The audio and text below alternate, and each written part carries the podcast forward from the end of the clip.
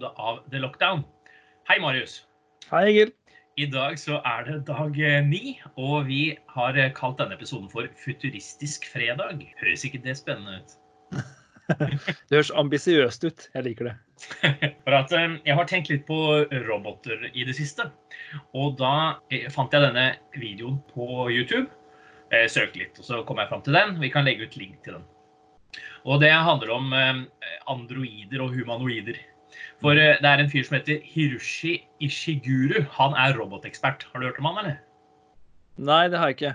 Eh, Men kan du si navnet hans fort tre ganger? Hiroshi Ishiguru. Bra. Han og teamet de lager eh, sånne roboter, eller androider. Og de lærer dem men opp til å bli mer menneskelige. da. Så jeg så en sånn video hvor de sitter og interagerer med disse. De ser ganske li livaktige ut, men òg ganske kunstige på en måte. da.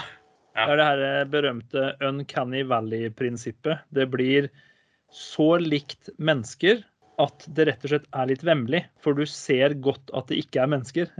Eh, ikke sant? Ja. Det er vel litt sånn de tenker. Alle de delene er jo på plass. Hvorfor er det ikke et menneske? Nettopp. Så nei, og, Men han mener at, eh, at vi faktisk kan lære noe av disse robotene. Og det er hvordan det er å være menneske. Jaha. Men at det, vi har i hvert fall kommet langt i utviklingen. da. Eh, Jeg vet ikke om fremtiden er her helt ennå, men eh, vi har kommet langt i utviklingen. Mm. Og da stiller de spørsmålet, og det kan jo vi stille òg, kan det bli et problem? F.eks. hvis robotene blir smartere enn oss? Det er ingen fare for det ennå. Nei, eh, det vil jeg ikke tro. Men eh, vi har jo med en, i, en, eh, en gjest i dag som jobber med roboter. Så kanskje vi kan spørre han om det òg. Høres lurt ut. Han eh, Hiroshi Ishiguro han eh, mener ikke at det blir et problem, fordi teknologi og menneske det eh, trenger å være knyttet sammen for at robotene skal fungere optimalt. Så han sier det er ikke et dilemma, det er en del av vår evolusjon. Det er i hvert fall en del Terminator-filmer som begs to differ, men det er greit. ja. Nå hadde de jo, Da er det Skynet. Nå heter det Legion nå i den siste filmen. Så det, ja, det er samme skumle greiene. Er det, er det Skynet som har oppgradert uh, OS-et sitt? Det høres det ut som. det. Legion X. Ja. Og så noe som høres, høres- ut som et eh, operativsystem. Fordi det er en robot til, så jeg tenkte det må da være noen roboter som de bruker nå, som, de kan, som kan hjelpe til i koronatider. Mhm. Og da har vi f.eks. desinfeksjonsroboten Decon X.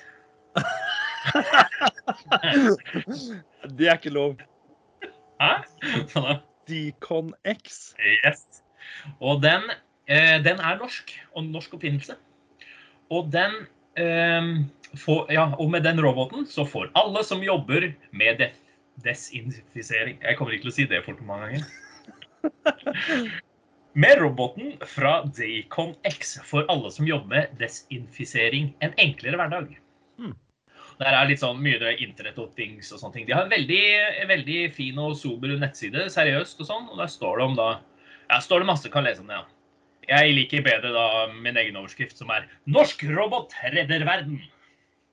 Det klinger litt bedre, det. Det det. Ja, denne, denne roboten her, denne Decon X-roboten, er, det en sånn humanoid sak, eller er det på en måte teknologi kobla sammen med ulike biter? Nei, det er en sånn metall- og plastgreie som henger på veggen. Nettopp. OK, greit. Men den er veldig smart. Mm. Uh, ikke sant? Hva er det for noe? Ullensvang kommune har bestilt roboter som skal desinfisere legekontor i kommunen. Men så da jeg måtte finne en ting til som var litt kulere, og det er da i Tyskland så er det Siemens. Der er det også en link som du kan se, og et bilde som da, de som ser på video, kan se det nå. Eh, Ikke sant? Der er, har vi da en eh, jeg vet ikke, Det ser ut som en tanks som kan skyte desinfeksjon. Eller noen middel. Jeg vet ikke. Eh, Hva er det for noe? Antibac? Antibac-tanksen. Yes. Oi. Og den, den vil jeg ha. Men hvis den podkasten her tar av, så skal vi skaffe oss en sånn. Det høres bra ut. Ja. Enhver podkast med respekt for seg sjøl har en antibac-tanks. Mhm. Så det, det var det jeg hadde, så nå gleder jeg meg veldig til å få besøk av gjesten vår, som faktisk jobber med roboter til daglig. Dagens gjest er en eh, mann som eh, har mange jern i ilden. Han eh, driver gård. Han er utdanna kybernetiker, er altså sivilingeniør og har en lederstilling på en av byens største industriforretninger. Hvordan går dagene dine, Jon Øyvind? Jo, nei, det var jo godt oppsummert, det der, da. Det hørtes jo veldig bra ut. Eh, det, dagene flyr, det kan man si. Eh. Vi har jo full produksjon på Saugbrugs fortsatt, så jobben eh, går jo av gårde. Samtidig så er jo vi også prega av tiltakene som er gjennomført nå. Sånn at vi velger jo å dele litt på stillingene nå, da. Så noen av oss er fysisk til stede på Saugbrugs, og så er noen på hjemmekontor.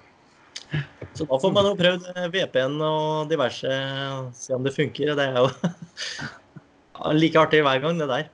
Er det ekstra trøblete i rocke, eller? Nei, det funker veldig bra. Ja. Men eh, det funker ikke med store datamengder, da. Det. Men uh, gi meg noen måneder til, så har jeg fiber i rocke. Ja, se der. Det er ikke Nå, verst. Det skjer, det skjer ting i rocke. det er veldig bra.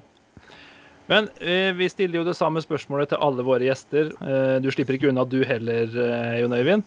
Har du hamstra dorull? Nei, det har jeg ikke. Jeg vet ikke om kona vil, men eh, vi har jo for nok. Ja, Så lenge du har nok, det er jo tross alt det viktigste. Det er jo det.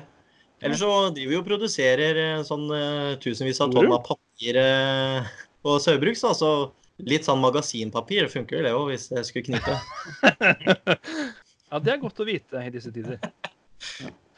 Men du nevnte at uh, altså, uh, Saugbrugs går for fullt. Det er ikke noe, ikke noe nedgang i produksjon eller forventa nedgang der. Det, det drives uh, for fullt. Men at allikevel så merker dere tiltakene. På hvilken måte merker dere det som skjer her nå?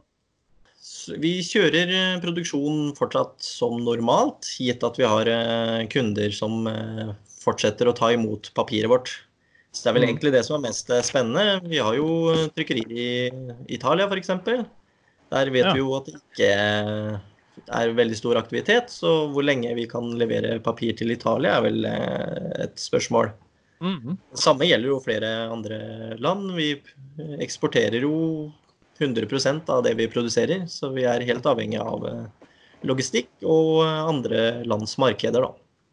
Så vi merker jo det at det er en eh, stor nedgang i, i verden. Mm. Eh, av tiltak som eh, vi merker, så er det jo eh, ja, mangel på mannskap. Eh, en god del som er i karantene. Ja. Eh, og så har vi ja, diverse greier på jobb, da, sånn at vi får jo ikke ha møter med mer enn ja, nå tror jeg ikke vi får lov å møtes mer enn fem-seks stykker noen gangen. Ja. Vi sitter jo innelåst på hvert kontor og prøver å unngå å møte andre folk nede i produksjonen. Så går vi jo rundt og vasker det som er, da, med desinfisering og kluter og Og så, som jeg nevnte, da, halvparten, eller stor del av bedriften er vel eh, på hjemmekontor eh, nå, og prøver å få til mest mulig derfra. Så da treffes dere bare i lunsjen, da? Eh, får ikke lov å ha lunsj sammen lenger heller. Så, okay. så da det er en koselig stund på kontoret med brødskiva og kaffekoppen. Nei, det er eh, Men eh, disse, du, som du sa, eh, alt av orde er jo eksport. Men dere har ikke blitt ramma av noe jeg håper å si, betingelser, nye regler eller sånt noe. Den, den varehandelen får fortsatt lov til å gå som man pleier? Så langt jeg er informert, så går det fortsatt. Men jeg leser jo i mediene at eh, det er timevis av køer på grenseovergangene rundt omkring i Europa nå. Så at vi blir ramma av det her òg, eh, regner vi nok med. Ja. Mm. Ja, vi, vi, har jo skrytt litt av teknologi tidligere i denne podkasten. Mye fordi vi har sett, kanskje spesielt da som, eh, som foreldre til skolebarn, at de har jo gjort et veldig IKT-løft og utnytta teknologien til fulle. Så vi har jo fortsatt eh, gode skoledager, godt opplegg og har skrytt veldig av det tidligere. Mm. Har teknologien, Bruker dere teknologi på ny eller annen måte nå? Tenker litt sånn møtevirksomhet og sånt nå. Har dere gjort noe annerledes der i denne situasjonen?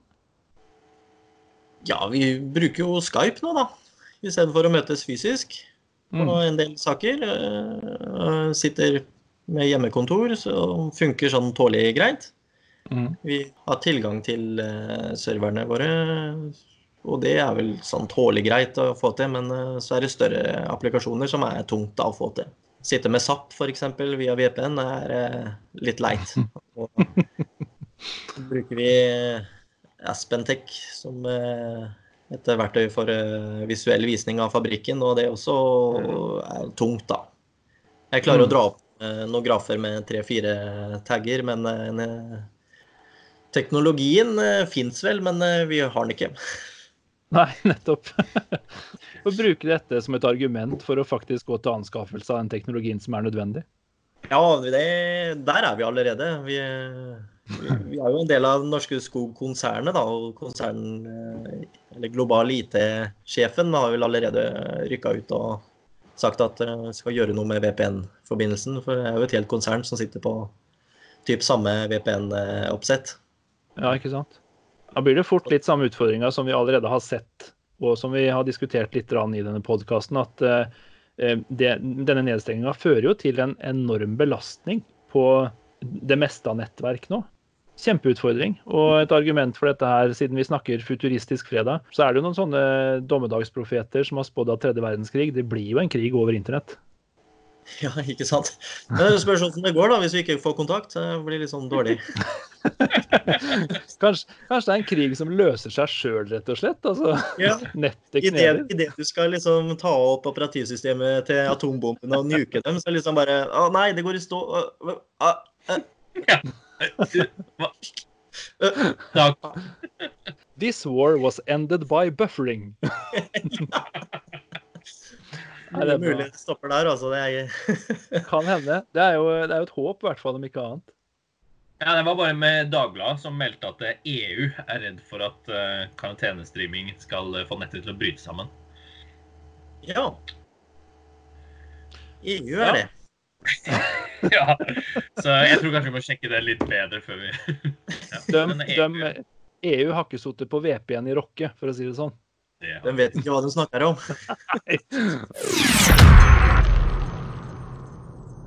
Men la oss leke litt mer med denne futuristiske fredagstankesettet. da. Nå har vi vært inne på jeg håper å si cyberkrig, om, eh, om det er, eh, er termen.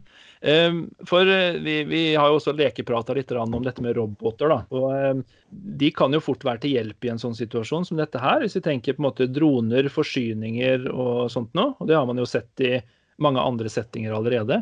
Eh, Du er jo ikke helt fremmed for roboter du, Øyvind. Det er vel noe du jobber med hver eneste dag, egentlig? Ja, det kan man jo si. Robotdefinisjonen er jo svær. Men eh, ja, det er helt klart at dere, mulighetene er jo der eh, for å kjøre helt autonomt uten mennesker. Det, men eh, hvorvidt man er villig til å gå til det skrittet, eh, er jo Det er fortsatt et godt stykke igjen å gå, følger jeg, da, i eh, tradisjonell industri. Ja, ja.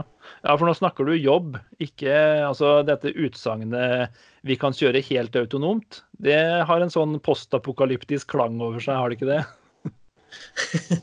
Ja, det var dine ord, men eh, autonomiteten er, det er veldig fascinerende hva vi kan få til. Eh, teknologien har vi jo egentlig, eh, så det er jo mer eh, infrastrukturen rundt og eh, hvordan man velger å utnytte det og investere i det, som kanskje er eh, begrensningene, tenker jeg. Men du, du som kybernetiker, da. Hvis vi tenker oss roboter og jeg håper å si, du, du kan jo få lov til å være med å sette definisjonen av ordet roboter sjøl, da. I den settinga vi befinner oss i nå, kan du på en måte eh, reflektere litt rundt altså, hvordan bør roboter brukes, og hva, hva kan de brukes til for å forbedre situasjonen vi er i? For å ta det kanskje nærmest mitt, eh, min arbeidsdag sånn som jeg tenker nå, da. Mm. så kunne jo det vært en autonom styring av fabrikken. Og de tinga fins jo allerede, så det er jo mer en vilje, på en måte, da. Mm. Eh, Maskinene går jo av seg sjøl og styres av noen operatører som i bunn og grunn egentlig følger med på at ting går som det skal. Mm. Så en eh, utøkt funksjon eh, rundt overvåkning og avgjørelser At det kan tas av logikk framfor operatører, det er jo fullt mulig, tenker jeg. Og så er det Ja. de unntakssituasjonene hvor et menneske med erfaring håndterer en situasjon bedre enn en maskin, kanskje, da. Ja, ikke sant? Med erf erfaring som mennesker har. Og... Men, men tror du også at uh, man ikke vil uh, liksom gjøre mennesker uh, obsolete? Altså med å gjøre en fabrikk eh, helautonom, da, og så vil man kanskje at noen skal ha tilgang til systemene allikevel. Mm. Eh, Og da risikerer du jo hele fabrikken eh, ved cyberangrep, f.eks. At du, noen kommer inn i styresystemet, f.eks. Og så er det selvfølgelig altså, Man skal ikke kimse av menneskelig erfaring. Eh, Det er mye som kan skje, og mye som eh, en maskin ikke har et godt eksempel på som en har lært noe av tidligere. Eh, Og det vil man kanskje slite med å, å håndtere, da. Så det er jo de uforutsigbare tinga som er eh, det mest spennende rundt eh, ja, maskinlæring og, og den delen. Da. Så lenge vi har gode data, så klarer vi å få maskinlæring til å tenke noenlunde som oss. Og basert på den historien man har, så klarer man å ta relativt gode avgjørelser i framtida. Men mm. det er jo det det er noe uforutsett. Hvordan vil en maskin eh, agere da? Mm. Og det er jo forståelser, da, og den avhengigheten man gjør seg av eh, sensorer. Et styresystem er jo aldri den, sensoren som gir dem feedback tilbake. En operatør vil jo se det fysisk også. Og det er jo en del vi bruker operatørene til. Det er å gå fysisk ute i fabrikken og se hvordan maskinen oppfører seg, og ikke bare sitte inne og se på en skjerm eh, på tallene som viser, vises. da. Nå er, nå er vi inne på en farlig tanke, for det vi ligger an til nå, er at det ikke er politikere, men sivilingeniører som styrer landet. Yes, nå snakker vi! Da må alle holde seg inne hele tiden. Ja, ikke sant? Men det, altså ehm, Alle må holde seg inne hele tiden, ja. For det her er jo Vi i denne podkasten har, eh, har jo prøvd å vært litt spåmenn innimellom. Eh, så da, da er det jo morsomt, da, siden du på en måte i ditt fagfelt eh, også kan få lov til å spå litt. Um, for nå har vi snak snakka om maskinlæring, og, og så vidt nevnt kunstig intelligens, som, som basert på det du sier, på en måte fortsatt er et stykke unna å kunne på en måte erstatte menneskelige følelser og erfaring. Mm. Men hvor langt unna er vi? på en måte? Kan vi komme dit hvor, eh, hvor, hvor plutselig kunstig intelligens er på nivå med den faktiske person og menneske? Ja, da tror jeg, jeg tror nok ikke jeg er helt rette person til å spå rundt det, men eh, jeg vil jo si med den farta utviklinga har gått på, da, så tror jeg det er lang tid fram før eh, maskinlæring eh, og kunstig intelligens er på et nivå som eh, kan erstatte oss, eller være ekvivalent av oss mennesker, da. Mm. Jeg husker vi snakka Da jeg begynte på NTNU i 2005, så hadde jeg en litt sånn halvgal professor som introduserte oss til automasjonens verden og alle mulighetene som fantes. Ja. Eh, Og han nevnte jo det at det, helt siden 60-tallet så har vi jo drevet med autonome ting. Altså vi kan kjøre båter og fly og autonomt egentlig med reguleringsprinsippene fra 60-tallet. Ja. Ja, der har vi ikke kommet spesielt mye lenger. Det er mye av det samme regelsettet som ligger til grunns nå. Ja. Jeg husker I 2005 så sa han at det, eh, da var det veldig hot med kan bilene Kan vi få noe autonome biler? Ja. var i 2005. Og da sa han at det, basert på det han trodde, så mm, tidligst i 2020 så var det en eh, slags versjon av noe som kunne ligne på eh, autonome biler, da. Ja. Så sånn sett så var vel det en, kanskje en ganske god eh, spådom, da. Vi er vel på vei, men eh, vi er jo langt ifra å slippe bilparken eh, fritt løs med, med maskiner som styrer dette. Ja. Og det er, nå er vi inne på et veldig interessant tema. Det her er diskutert med både kollegaer på IT-avdelingen i høyskolen, og for så vidt en hel masse venner som ikke nødvendigvis har noe informatikkbakgrunn. Mm. Uh, og det er jo Eh, Vanvittig hvor forskjellig perspektiv der er på etikken bak det og teknikken. Ja, for la oss dra inn etikken. Da blir det litt mer interessant. Ja, det gjør jo det. For de som ikke har vært med på den diskusjonen før, så kan vi jo bare ta jeg håper å si, en, en problemstilling rundt det da, med, med autonome kjøretøy. Hvor du har en bil som har tre skolebarn i baksetet, som er på vei hjem fra skolen, på en trang vei hvor de møter to skolebarn på den trange veien. Du har to alternativer. Det er en fjellvegg på ene sida, og det er en sjø på andre sida. Den bilen har da brått noen, eh, noen begrensa alternativer. Hvis dette er rundt en sving og sensoren ikke har klart å se disse skolebarna. Hvilket valg skal han ta da? Inn i fjellveggen, ut i sjøen eller pløye ned disse barna på veien? Ja, spør du meg. Nei, Det er jo veldig retorisk, men det er jo en interessant problemstilling. Hvis vi nå først skal Ja, driste jeg, jeg, oss ut i jeg venta på alternativet med pensjonistene, for jeg har hørt den historien nå. og Da, Ja. Ja, den, da det den, skulle, først. den skulle komme etterpå, for det er jo en, en, en litt annen Der kan vi på en måte basere det på eh, jeg håper å si noe fornuftig, sånn som vi ser nå. altså De som står først i køen, hvem kan tilby samfunnet mest? Det blir jo en ren kalkulasjon. da. Om Ja. det er etisk riktig, er jo én sak, men det er i hvert fall en kalkulasjon som en intelligens ville klart å ta seg av. Nå skal Egil få lov til å si noe, for nå blir han oppgitt over meg igjen. Nå drar jeg det veldig langt, jeg vet det, men ja. Nei da. Men, men det er jo det eh, sånn rent eh, sånn programmeringsmessig, da. Så er det jo da Det er tre i baksetet, og så er det to eh, barn. Så da blir det jo da de to barna som ikke overlever, sånn at flest mulig overlever. Men de to barna har høyere IQ enn den tre. Ikke sant? Det er nettopp det. fordi jeg tok det, tenkte eh, skritt lenger. Også at du må da prosessere og finne ut da eh, ja, hvor mye de er verdt da, for samfunnet, de barna som er der. og sånn. Så det som det blir til da i 2049 en gang, når det endelig får det, blir at det bare Processing, processing, og så bare skjer Så blir det bare alle krasjer, fordi den klarer jo ikke å prosessere det her kjapt nok. Og da blir det akkurat som, som i denne cyberkrigen, da, med andre ord. At uh, this car has stopped due to buffering. Så det ordner seg, det her. Ja. Vi får jo Nei, jeg, jeg har ikke mye tro på det her, når at det hakker sånn i videoen som vi holder på nå i 2020. Eh, Det er ganske sant? lenge siden min far drev oss og prata om eh, sånne videokonferanser. altså.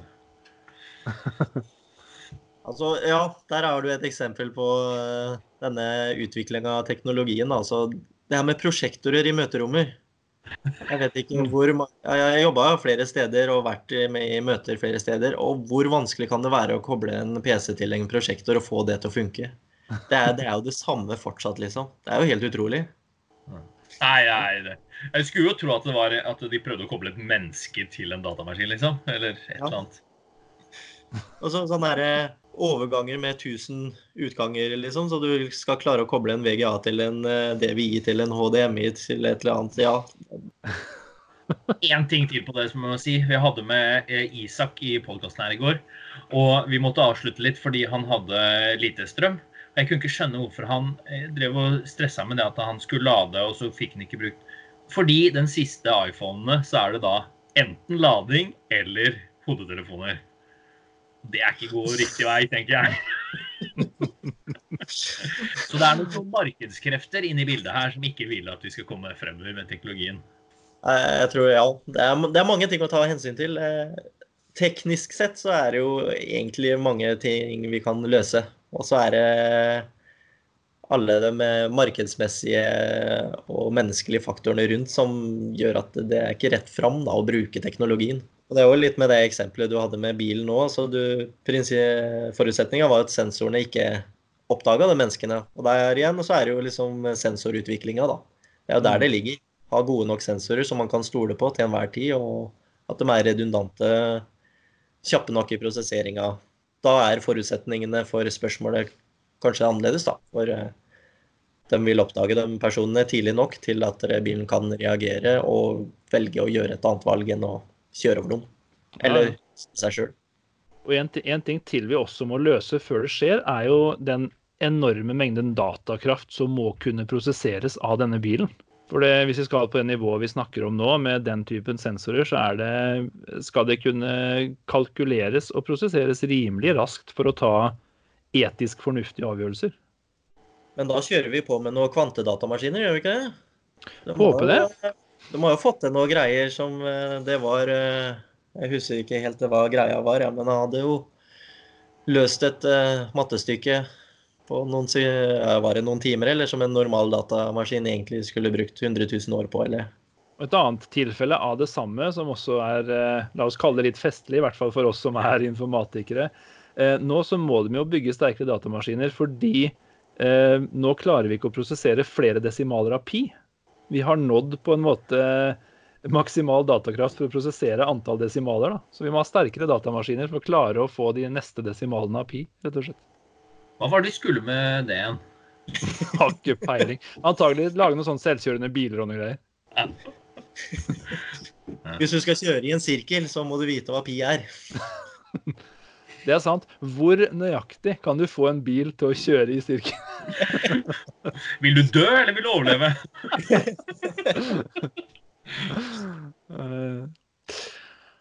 ja. Eh, et siste spørsmål jeg har skrevet her, som, som, kan være litt morsomt å få deg til å reflektere rundt. Da. Eh, I den situasjonen vi befinner oss i nå, og her får du lov til å tenke altså helt uavhengig av datakraft, av, av prosessorkraft, av sensorteknologi og sånt noe. Eh, hvilke roboter hadde vi hatt bruk for nå? Oi. Hvilke roboter hadde vi hatt bruk for nå? Jeg har fått meg støvsuger som eh, eh, støvsuger huset. Det er fantastisk. Det var jeg bruk for. ja, Så vi er, vi er ikke mer kravstore enn det? Nei, det er vanskelig å si hvilke roboter vi hadde hatt bruk for nå, da. Det er klart erstatta transportmidler på en måte til noe eh, helautomatisk. Eh, og så er det jo eh, videreutvikling av fabrikkene, da. Gjøre dem mindre avhengig Jeg snakka i stad om at vi er avhengig av operatører for at det skal fungere, men det er også Operatører kan være kilde til mange feil og problemer. Så det er det samspillet mellom menneske og maskin, da. Det, mm. det vil alltid være der. Eh, en robot uten maskin eller menneskelig oppfølging eh, er jeg litt skeptisk til. ja. det, det, det, ideelle hadde vært å funne liksom den gylne middelvei mellom robotens maksimal autonome ytelse og menneskets minimale påvirkning eller engasjement. Det hadde på en måte vært eh, industriens gullkalv. Ja, mens, du, mens mennesker fortsatt har kontroll, tenker jeg da. At vi ja til enhver tid kan styre dette?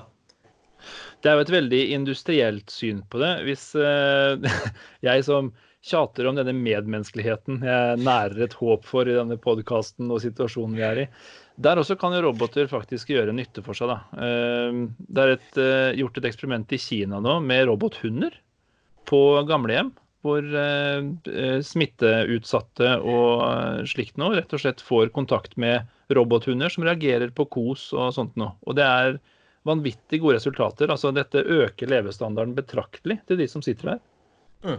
Eh, så det kan jo faktisk gi en sånn sosial gevinst òg, da. Å innføre roboter litt mer mellom oss mennesker i samfunnet.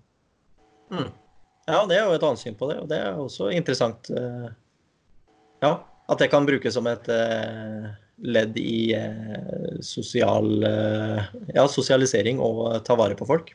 Mm. Ja, og i helsevesenet. altså Se for deg den situasjonen vi er i nå, hvor så mange sykepleiere og leger til daglig befinner seg midt i virusbøtta av korona. Helt sikkert en del altså mulighet til å tenke autonomi i helsevesenet også. Det mye gjøres jo allerede, men Eh, sett roboter som er litt mer humanoider der, kunne kanskje ha utført tester og sånt noe eh, som ville fjerna, eller i hvert fall vært et rent sånn smittebegrensende tiltak eh, i den situasjonen vi er i nå. da. Mm. Jeg vet et firma i Moss de utvikler jo en humanoide robot nå som skal kunne gjøre diverse oppgaver, bl.a. i helsetjenesten. Da. Mm. Og jeg tenker også det er jo det du beskrev der med helsevesenet i koronatider og mindre folk, det er også eh, et syn på det med farlig arbeid for mennesker. Og mm. der er jo absolutt robotene har jo sin plass, da. Og eh, dermed minimere risikoen for mennesker. Mm. Og F.eks. på NTNU så kjører de et prosjekt med, eller har gjort over flere år med en slangerobot som de mener skal brukes uh, til brannslokking. Som da er en lang slange som kan klatre inne i rør og i bygninger som er rast sammen, og med en vannslange gjennom seg, da, som da kan spyle vann i områder som mennesker ikke kommer til. Jeg kjenner såpass mange som er redd for slanger, så jeg klarer ikke la være å få et, eh, et litt sånn pandemibilde i hodet av den situasjonen når den svære robotslangen kommer ålende inn i fabrikklokalet. Den er veldig fin. Det er en film som burde vært laga. Men det blir jo samme spørsmål. Vil du overleve, eller vil du dø? ja. Nei da, men det er jo ja, autonome oljeplattformer. Det er jo i ferd med å ta form, det. Så vi er jo på vei dit fordi at vi ønsker å risikere, eller minimere risikoen for eh, menneskelige eh, skader. Mm. Og da, Jeg bringer det her bitte litt tilbake til etikken igjen, da, for det er jo også interessant.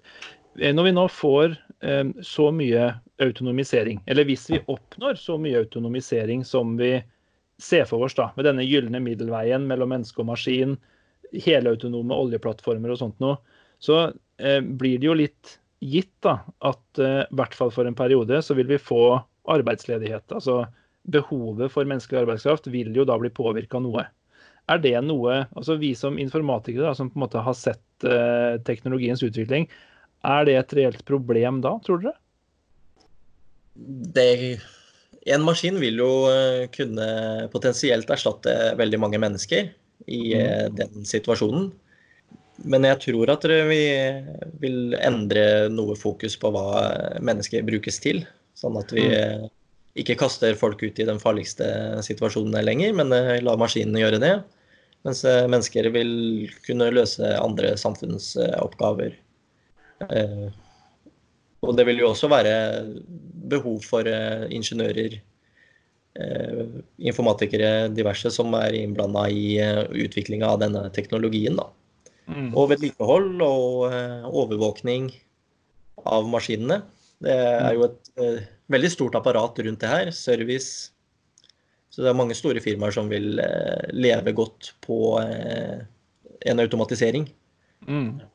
Og det vil jo også være i skoleverket, tenker jeg, at dere, barna våre må lære seg å tenke annerledes. Og vi må bruke verktøyene vi har, og Framtida vil verktøyet være roboter, eh, automatiske systemer som jobber for deg. Det, det, det, Bare for å dra det enda lenger etisk og litt sånn selvmotsigende, men et interessant perspektiv. Ehm, det vi, det vi oppnår da, med disse tilfellene her, som såpass mye risikobevaring og sånt nå gjennom autonomi, det er jo at vi mest sannsynlig øker altså både levealder og befolkning. Og det vil jo mest sannsynlig naturen kunne sette seg på bakbena for. Og vi kan få sånn som dette her, koronaviruset spredd fordi naturen prøver å rydde opp. Hvis man tror på det, da.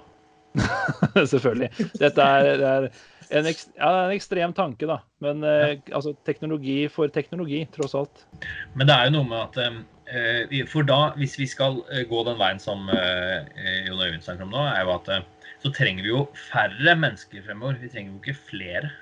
Nei, vi, vi trenger ikke, men, men, men, det vil jo være det vi oppnår. altså Ved å fjerne flere personer fra utsatte yrkesgrupper. Og det vil bli et problem.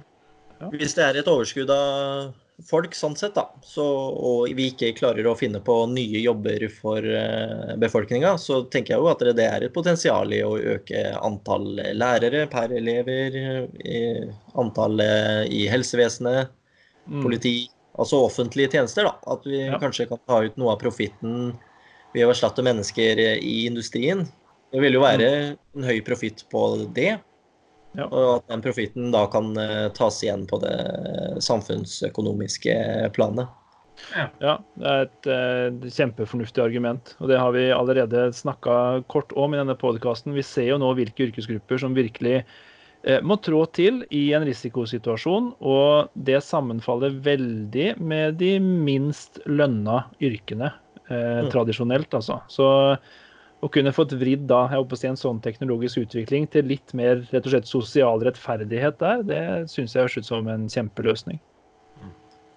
Ja, jeg tenker jo det at det, hvis man skal klare å, å utnytte samfunnet, da, så Mm. henter ut profitten fra maskinene, lar dem kjøre seg hardt istedenfor å kjøre menneskene hardt. Og så kan vi ta profitten ut og bruke det til eh, å ta bedre vare på menneskene rundt oss. Mm. Det er veldig bra, Jan Øyvind. Tusen takk for at du tok deg tid til å prate litt med oss. Og da kan vi berolige ikke-informatikere, i hvert fall fra en kybernetikers synspunkt. Du tror ikke robotene kommer til å ta over med det første? Nei, det har jeg lite tro på. Det, det er så dumme maskiner vi har nå, så de må ha hjelp av oss. Det er veldig bra. Da sier vi tusen hjertelig takk til deg, Øyvind. Håper vi du har en kjempefin kveld videre. Takk i like måte. I dagens media i dag skal vi først starte med Egil, for du hadde jo en hjemmelekse til denne episoden, du. Det hadde jeg, vet du. Jeg hadde et oppdrag. Fordi jeg skulle dra på howmuchtoiletpaper.com. Besøke, ja. Og da eh, skulle man ta Og det man skulle gjøre der, var å taste inn hvor, mye, hvor mange ganger man var på do om dagen. Aha. Og hvor mye toalettpapir man hadde nå. Og da skulle vi se hvor mange dager man klarer seg av karantenen. Ja. ja jeg, jeg, kom, jeg kommer til å spørre, så du kan bare si det. Ja. eh, var nesten ærlig, så da Nei, det er du ikke. Det, det som vi kom fram til i vår husholdning, da, var at vi har eh, 300% av dekning da, for eh, denne karantenetiden. Riktig. Og det er da 42 dager har vi dopapir for. Mm. Og Marius, har du noe dagens media?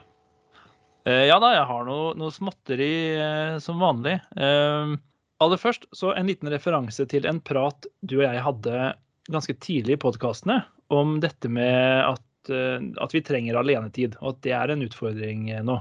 Og eh, hun, Det er jo en psykolog som har vært mye i vinden i det siste, kanskje spesielt med barneoppdragelse, men også litt samliv. Den, hun, Hedvig Montgomery. Ja. Og i sin podkast, Foreldrekoden, så terper hun veldig på det nå at i den situasjonen vi er i, så er nettopp det å gi partneren alenetid og gi barna nok luft, det er på en måte to essensielle faktorer av å overleve denne hjemme, hjemmesituasjonen. Mm. Så det talte jo til vår fordel, da, sånn gitt den praten vi hadde tidligere. Og så, eh, Dette er jo ikke et humorinnslag, selv om, selv om jeg syns det. Men det har noe med, noe med min, eh, ja, mine preferanser å gjøre. Eh, men, eh, men det er veldig mange som syns at dette er synd, for nå legger danskebåten ned. Nei! Jo da. Så nå blir det ikke noe mer, eh, blir danseband på Stena Line og cruise til Kjøben, liksom. Eller Fredrikshall går den vel egentlig, da. Men, eh, eh, så det er jo en sånn delvis trist nyhet da, for, for mange. Først nå, liksom. ja. Mm. Jeg, kan jeg, jeg, jeg ser liksom for meg da, at de har, de har drevet og de har liksom bare padla rundt ute i Oslofjorden og venta på at han derre siste Kjakan skal bli ferdig med, denne, med det elendige viruset, og endelig få lov til å legge på kai, så man kan legge dette dødt. Nei da. Nei.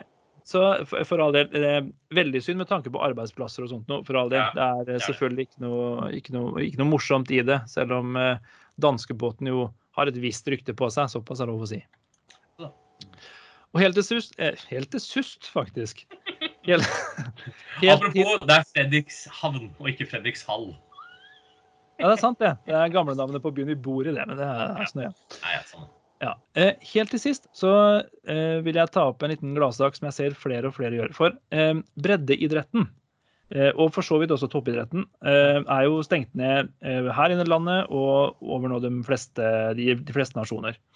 Da er det veldig mange som i utgangspunktet tjener mye penger på kiosk. Altså Jeg kjenner jo til dette fra min egen idrettskarriere. at Mye av inntektene kommer på en, en dag vi har i hallen, hvor eh, vi også får lov til å drive kiosken selv. Ja. Eh, og Da kjøper man jo inn varer som man har, eh, brus og, og ting som ikke går ut på dato, frysevarer og sånt. noe. Det, det kjøper man jo gjerne opp eh, gjerne fire ganger i sesongen, så man har jo gjerne et lager av dette her. Ja. Det får man jo ikke brukt nå, så det er til stadighet flere idrettsklubber som gir bort kioskvarene sine til eh, eh, folk som trenger det.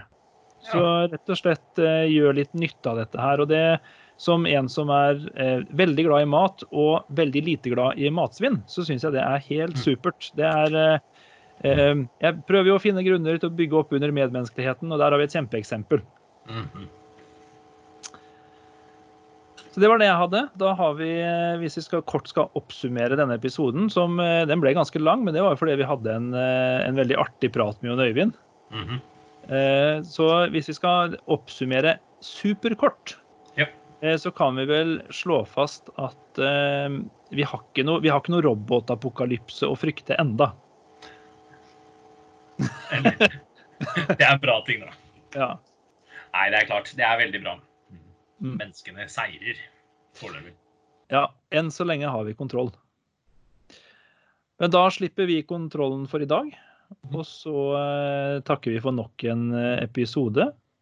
I morgen er det lørdag, så vi tar en, en rolig lørdag med litt musikkprat, rett og slett. vi. Det bra. Da høres vi i morgen. Eh, tusen hjertelig takk for at dere hørte på dagens episode av The Lockdown.